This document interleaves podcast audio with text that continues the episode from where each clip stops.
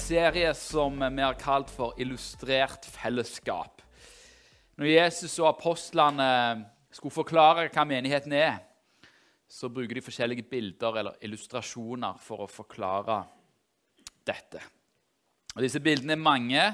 Alene er de ikke fullstendige, men sammen så sier disse bildene noe om hva menigheten er, hva som er relasjonen oss imellom, eh, og som medlemmer av menigheten, eh, og òg vår relasjon til Jesus. Så Sist gang jeg var her, så snakket jeg om menigheten som Guds folk eh, og familie. Og så har Magnus snakket om menigheten som eh, Kristi legeme, eller Kristi kropp. Og I dag så skal vi fokusere på menigheten som Guds bygning eller Guds tempel.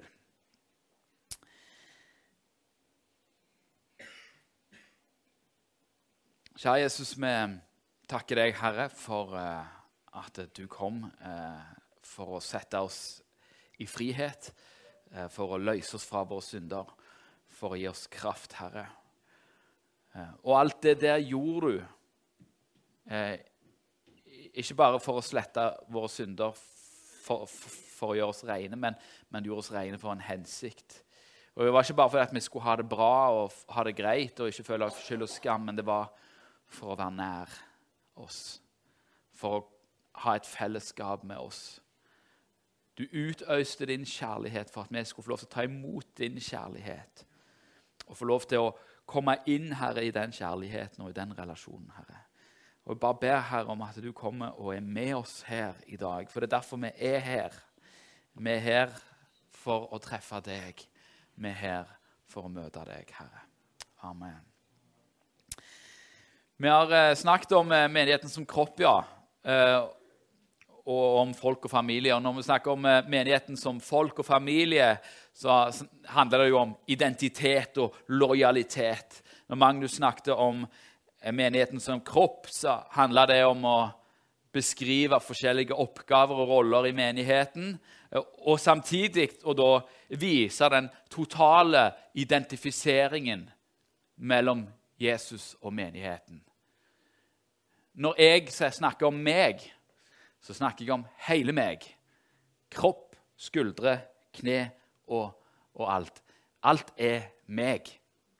Og når snakker om, Kristus snakker om sin kropp, og snakker om oss som sin kropp, så snakker han om seg.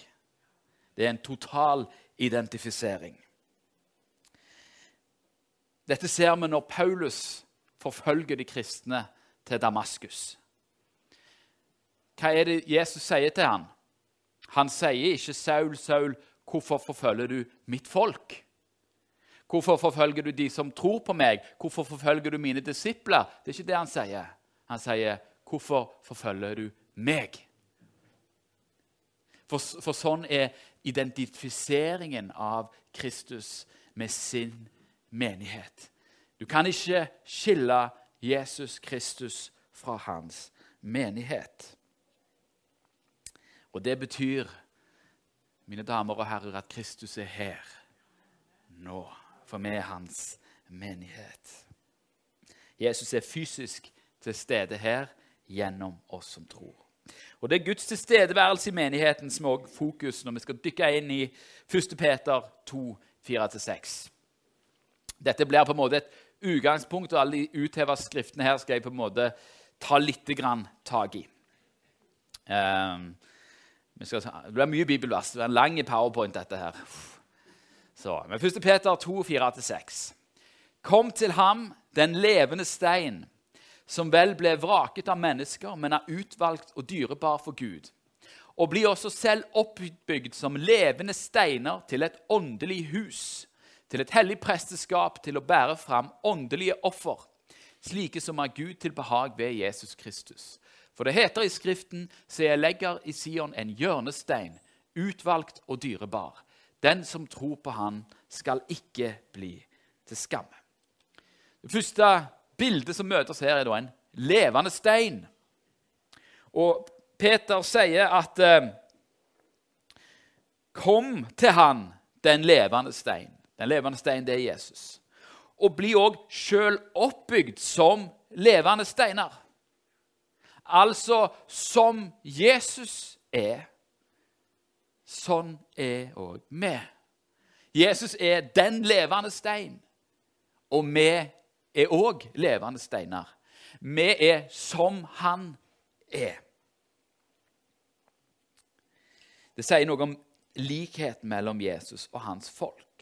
Hvis vi kommer til den levende steinen, så blir vi levende steiner og blir sammen oppbygd til et åndelig hus.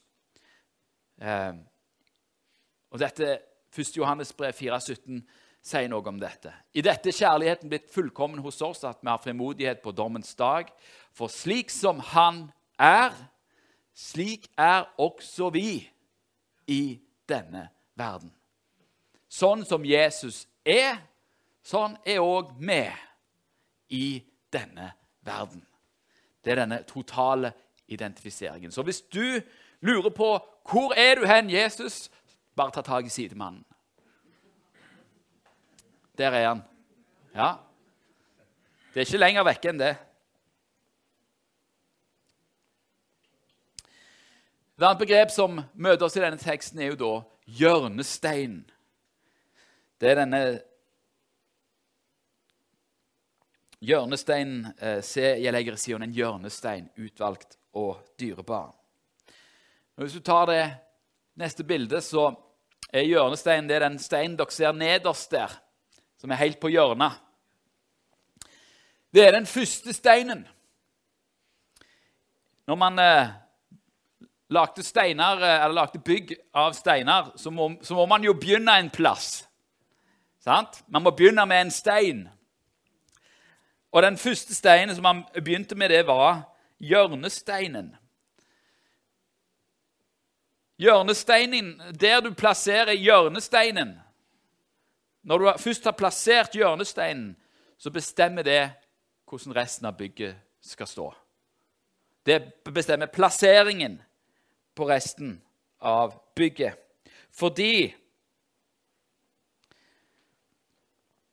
hele, alle de andre steinene blir retta etter hjørnesteinen. Hvis Jesus er hjørnesteinen, så betyr det at vi som levende steiner i dette åndelige huset vi må ha blikket festa på Jesus. Eh, en annen måte å se dette på Jeg, jeg, jeg, eh, jeg har vært i militæret, og, og der eh, skulle man av og til gå i takt. Sant? Man skulle gå i takt, og, og så skulle man gå på linje. Eh, og da var det den som var øverst oppe i høyre hjørne, det var han som bestemte. på en måte. Det var han du alle retta seg etter, og det var han som bestemte takten. Så hvis, du, så hvis du, på en måte lurte på hva takten var, se på den, han som er helt framdørst. Det er han som på en måte bestemte takten. På samme måte er det her. Vi må ha blikket festa på Jesus. Det betyr at vi må innrette våre liv etter hans liv og hans lære. Hvis vi ikke gjør det, så blir ikke huset rett. Da blir det skeivt, og så detter det sammen. Paulus snakker òg om eh, om eh, menigheten som et tempel. Så er dere da ikke lenger fremmede og utlendinger, men dere er de helliges medborgere og Guds husfolk, bygd opp på apostlenes og profetenes grunnvoll. Og hjørnesteinen, jo, det er i Kristus Jesus selv. I ham blir hele bygningen føyd sammen og vokser til et hellig tempel i Herren. I ham blir også dere, sammen med de andre, bygd opp til en Guds bolig i ånden. Og det Her er det jo en del sånne begreper som vi skal se litt på. Først er dette her apostlenes og profetenes grunnvoll.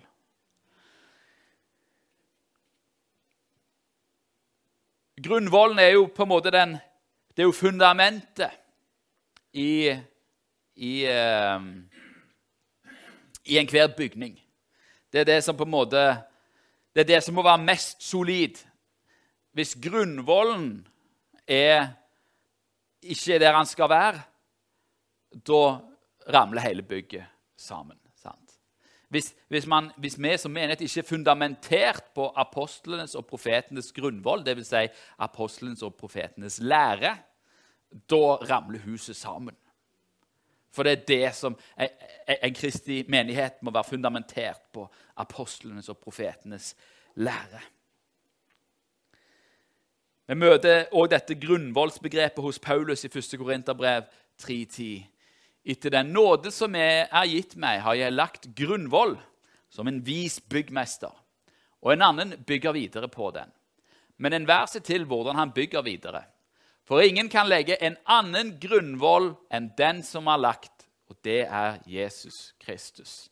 Altså Jesus Kristus, det han har gjort, det som er budskapet i evangeliet, at han har dødd og stått opp igjen for våre synder, det er det vår tro er fundamentert på. Det er det som er grunnvollen. Og Det var jo det apostlene ble sendt ut for å forkynne.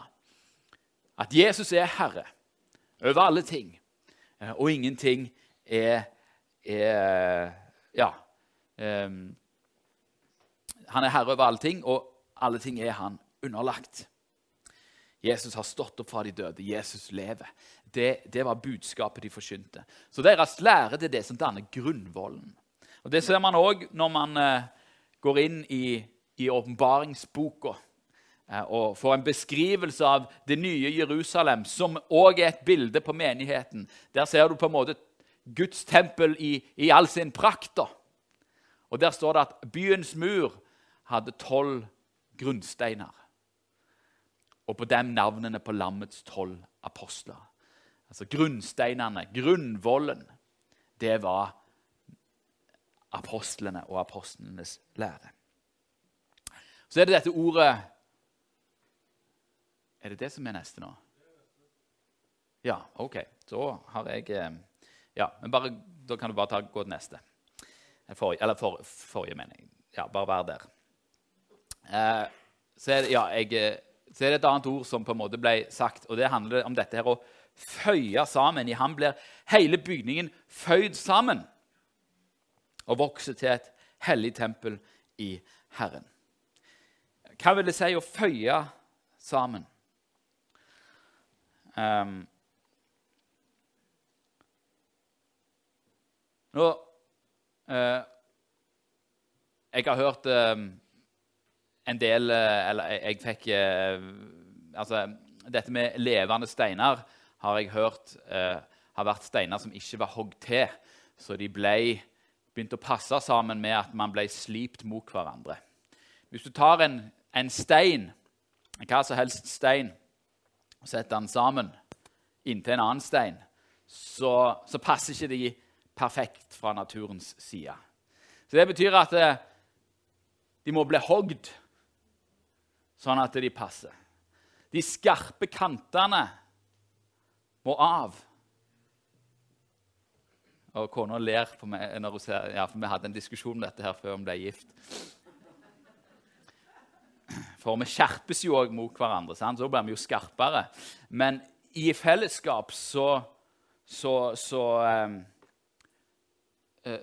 så må de harde kantene for at vi skal fungere som et fellesskap, for at vi skal fungere i fred med hverandre, så må de skarpe kantene kuttes av. Og Enten de blir hogd av eller slipt av med at de blir ført mot hverandre til de passer sammen, så er det uansett en uh, smertefull prosess for steinen. Men det er nødvendig. For Hvis ikke så, så, så blir det ikke tett.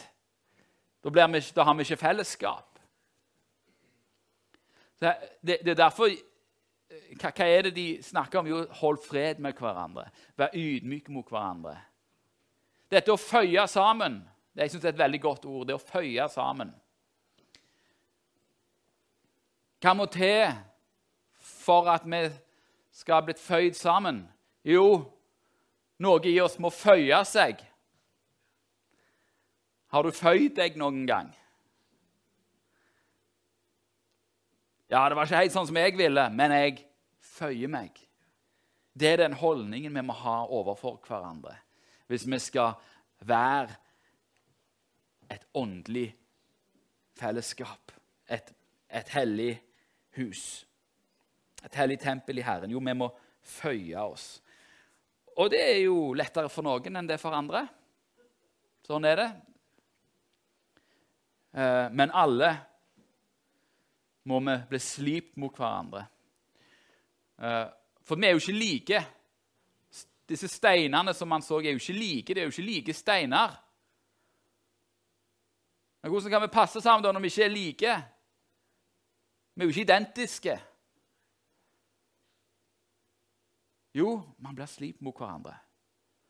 Tar man av de der harde kantene, de der harde holdningene overfor hverandre.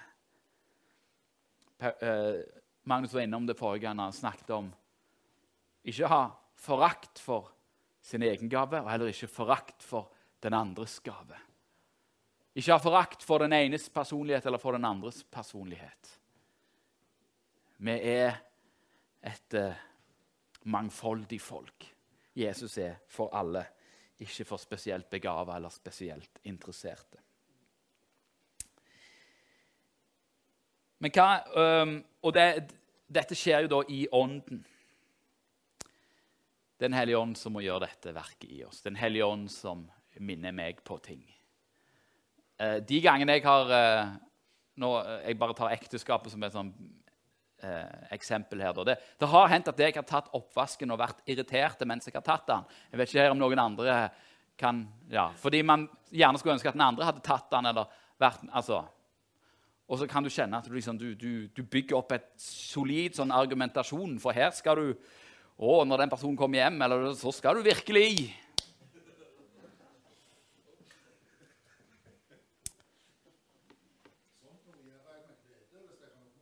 Ja, det er så bra.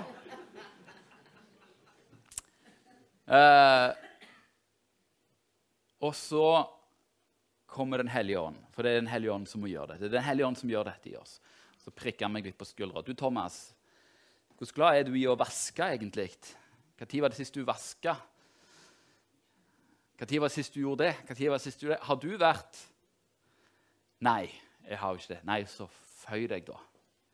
Gjør den og, og denne jobben.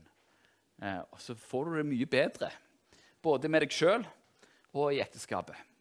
Sånn er det òg i fellesskapet oss imellom, som menighet.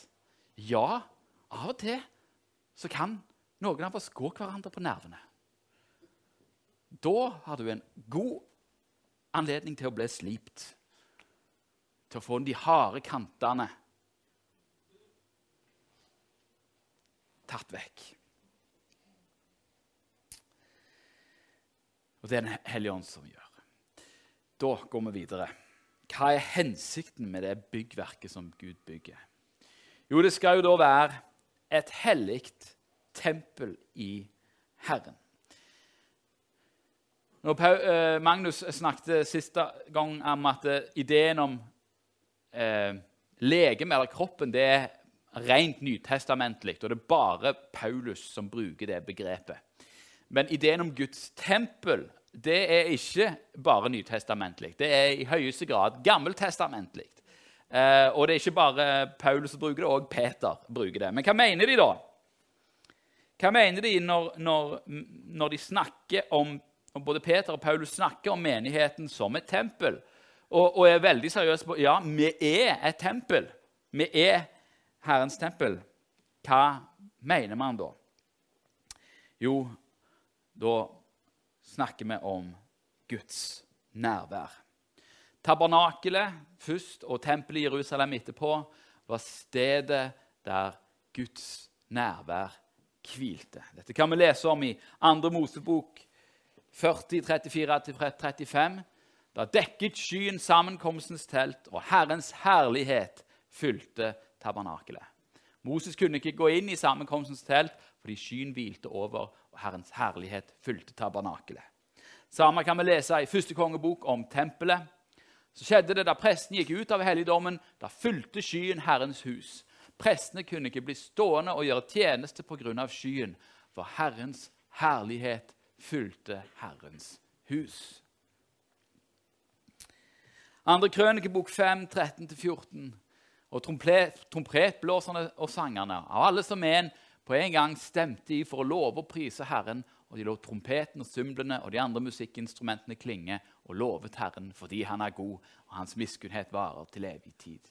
Da ble huset, Herrens hus, fylt av en sky, og pga. skyen kunne prestene ikke bli stående og gjøre tjeneste, for Herrens herlighet fylte Guds hus. Det spesielle med Herrens tempel det var at Herrens herlighet var der.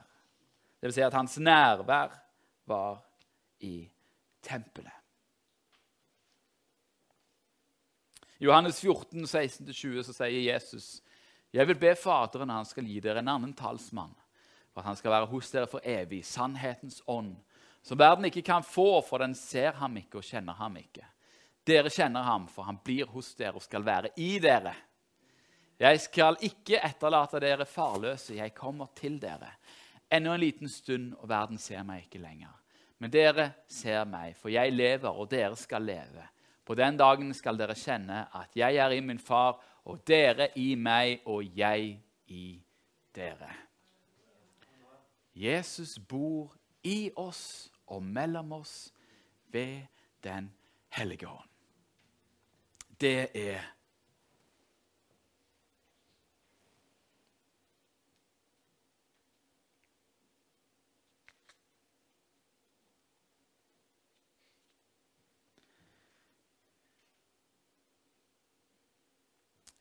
Han er i oss. Han er i oss alle ved Den hellige ånd. Hva, betyr, hva, betyr, det at Den hellige ånd bor i oss? Jo, det betyr at Herrens nærvær er i oss. Det er litt svært å tenke på. Det der nærværet som var i tempelet i Jerusalem. Har dere vært Har dere møttes noen gang som menighet, og så kommer Guds nærvær på en sånn måte at du ikke kan bli stående? Der jeg må bare ligge fordi Gud er her. Herrens nærvær er i Herrens tempel, og Herrens tempel, det er her. Ikke dette bygget, men dette, disse byggverkene. I oss, mellom oss. Apostelens gjerninger 2,4 sier at da ble de alle fylt av Den hellige ånd. Fylt av Guds nærvær. Og de begynte å tale i andre tunger alt etter som Ånden ga dem å tale. På pinsedag så flytta Herrens herlighet inn i Jesu disipler ved Den hellige ånd. Guds nærvær som hadde vært i tempelet, flytta nå inn i hans folk, sånn at vi er tempelet. Det er, det er i han, eller det er, det er i oss, han nå bor. Matteus 18, 20, så sier Jesus For hvor to eller tre er samlet i mitt navn, der er jeg midt iblant dem. Ja, oss sjøl så er vi et tempel for Den hellige ånd. Men som fellesskap så er Herrens ånd midt iblant oss. Jeg vet ikke hvordan du har det, men, men Eh, når jeg ber alene, så kjenner jeg ikke alltid at Herrens nærvær er der. Men når det er to eller tre, og vi ber Så Ja Satt på kontoret her på, på Klippen Jørpeland, og da var vi tre stykker samla, og så var det en fjerde på, på Zoom som skulle bare høre hvordan det gikk. og sånne ting. Og så, så var vi der, og så bare ba vi, og så sang vi, og så bare bam! Der, der var Herrens nærvær. Fordi han er, han er til stede når vi er samla i hans navn. Han bor i fellesskapet. Og det er derfor han er her nå, med sin Hellige Ånd. Han er her fysisk til stede i våre kropper. Og så er han her til stede med sin ånd og sitt nærvær. Det andre som kjennetegner et tempel, er at det er et, stand, er et sted for offer.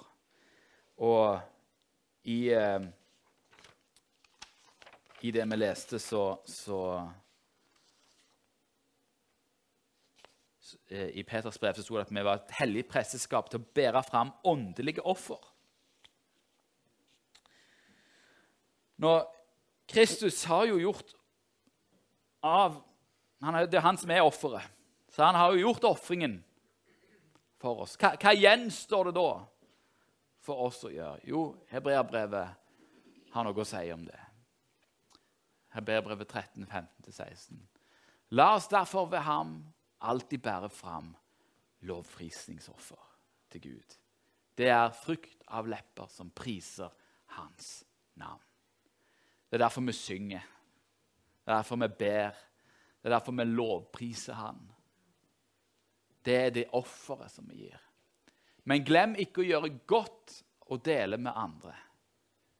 For slike offer er til behag for Gud. Her ser dere den. Hva er vår offer? Jo, det er lovprisning til Han. Elsker Gud eh, av hele ditt hjerte, av hele din sjel, av all din kraft, av all din makt. Gjør godt og del med andre. Elsk de neste som deg sjøl. Lov nå profetene. Det er dette som ligger i, i, i våre åndelige offer. Vi er Guds tempel, og Den hellige ånd bor. Guds nærvær bor mellom oss. Han er her til stede i oss og gjennom oss og mellom oss.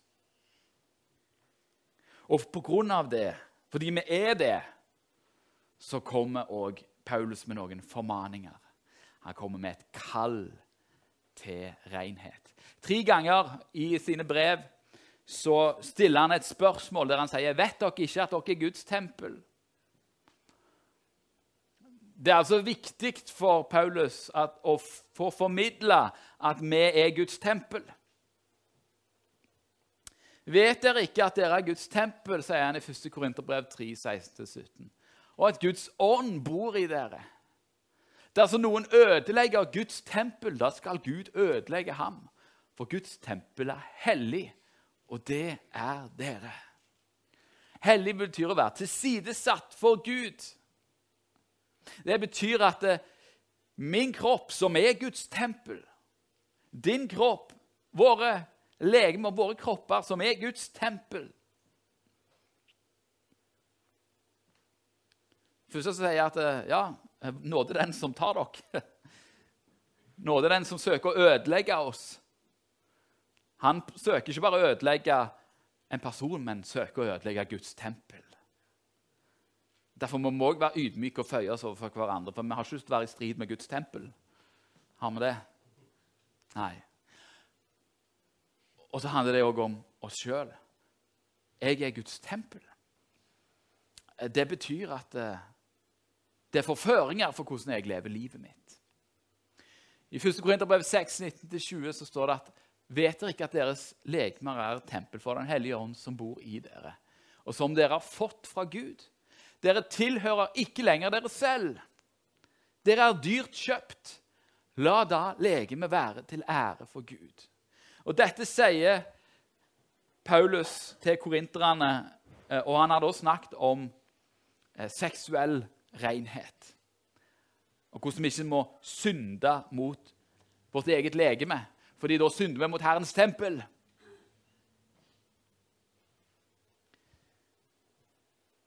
Det er et kall til å være ren i sin seksualitet fordi vi er Herrens tempel.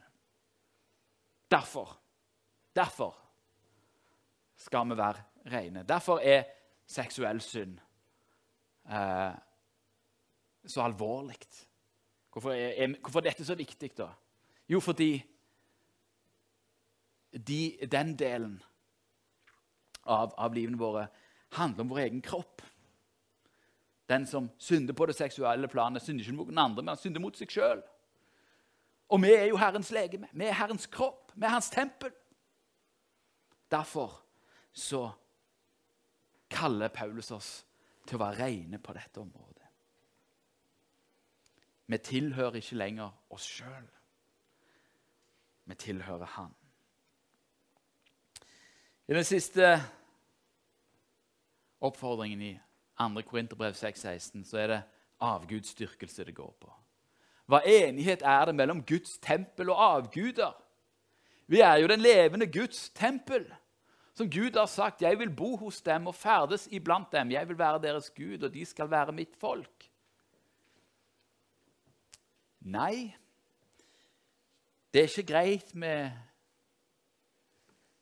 litt tarotkort eller litt okkulte sammenstillinger eller litt herfra, litt derfra. Litt New Age her, litt islam der, litt Sorry, det går ikke. Du er kalt til renhet. Det er ikke noe samkvem. Det er ikke noe fellesskap i ånden mellom hinduisme Mellom Buddha og Kristus. Det er ikke det.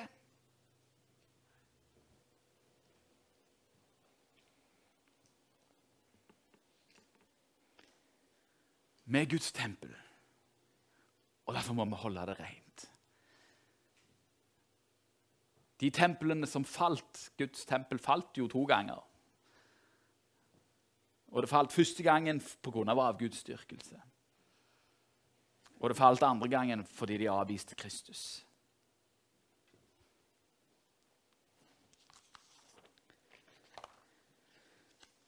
Dette, dette, disse tingene er så viktige at uh, når Når uh, apostlene skriver til hedningene og sier hva er det dere skal holde av loven, så er det disse tingene det går på. Men vi, apostlenes gjerning 1520. Men vi skal skrive til dem at de skal avholde seg fra det som er smittet av avgudene, og fra hor, og fra det som er kvalt, og fra blod. Alt dette handler om avgudsdyrkelse. Så Grunnen til at man òg brukte prostitusjon eller eh, seksuell umoral, var jo at eh, prostitusjon ofte var knytta opp mot templer. Så, så, det var seksualitet og eh, Seksualitet og, og, på en måte åndelig umoral eller eh, avgudsdyrkelse det, det, var ofte to sider av samme sak. Det var mye sånne fruktbarhetsreligioner rundt omkring.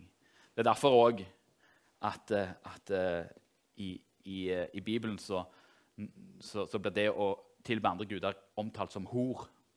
Det er fordi det ofte faktisk medførte hor. Det var en, en, ofte en, en, viktig del av de andre uh, kultstedene.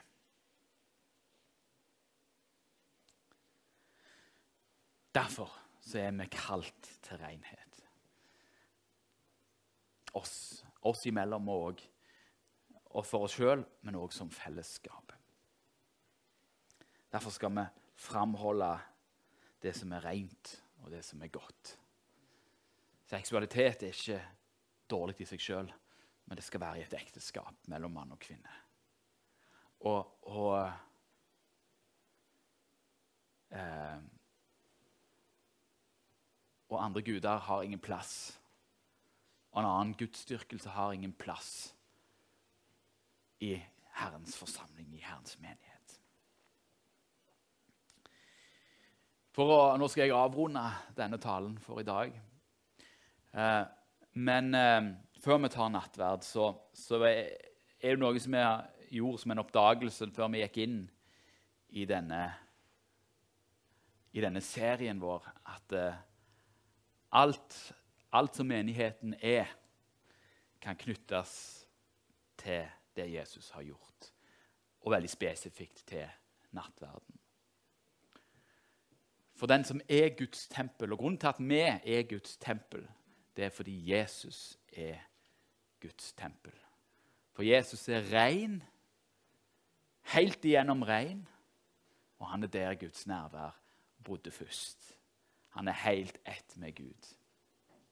Og når han får spørsmålet eller I Johannes 2, 19-22 så sier Jesus at Jesus svarte og sa til dem.: Bryt dette tempelet ned, så skal jeg gjenreise det på tre dager. Jødene sa da til ham.: I 46 år har det vært bygd på dette tempelet, og du vil reise det opp på tre dager. Men han talte om sitt legemes tempel. Da han var reist opp fra de døde, mintes disiplene hans at han hadde sagt dette. Og de trodde Skriften og det ordet Jesus hadde sagt. Jesus er tempelet. Og Hvordan blir vi del i hans tempel. Jo, hvor er hans legeme? Dette er mitt legeme, sier Jesus. Dette er det vi markerer når vi spiser brødet. Jo, vi er en del av hans kropp, men vi, vi blir òg en del av hans tempel, av Guds tempel.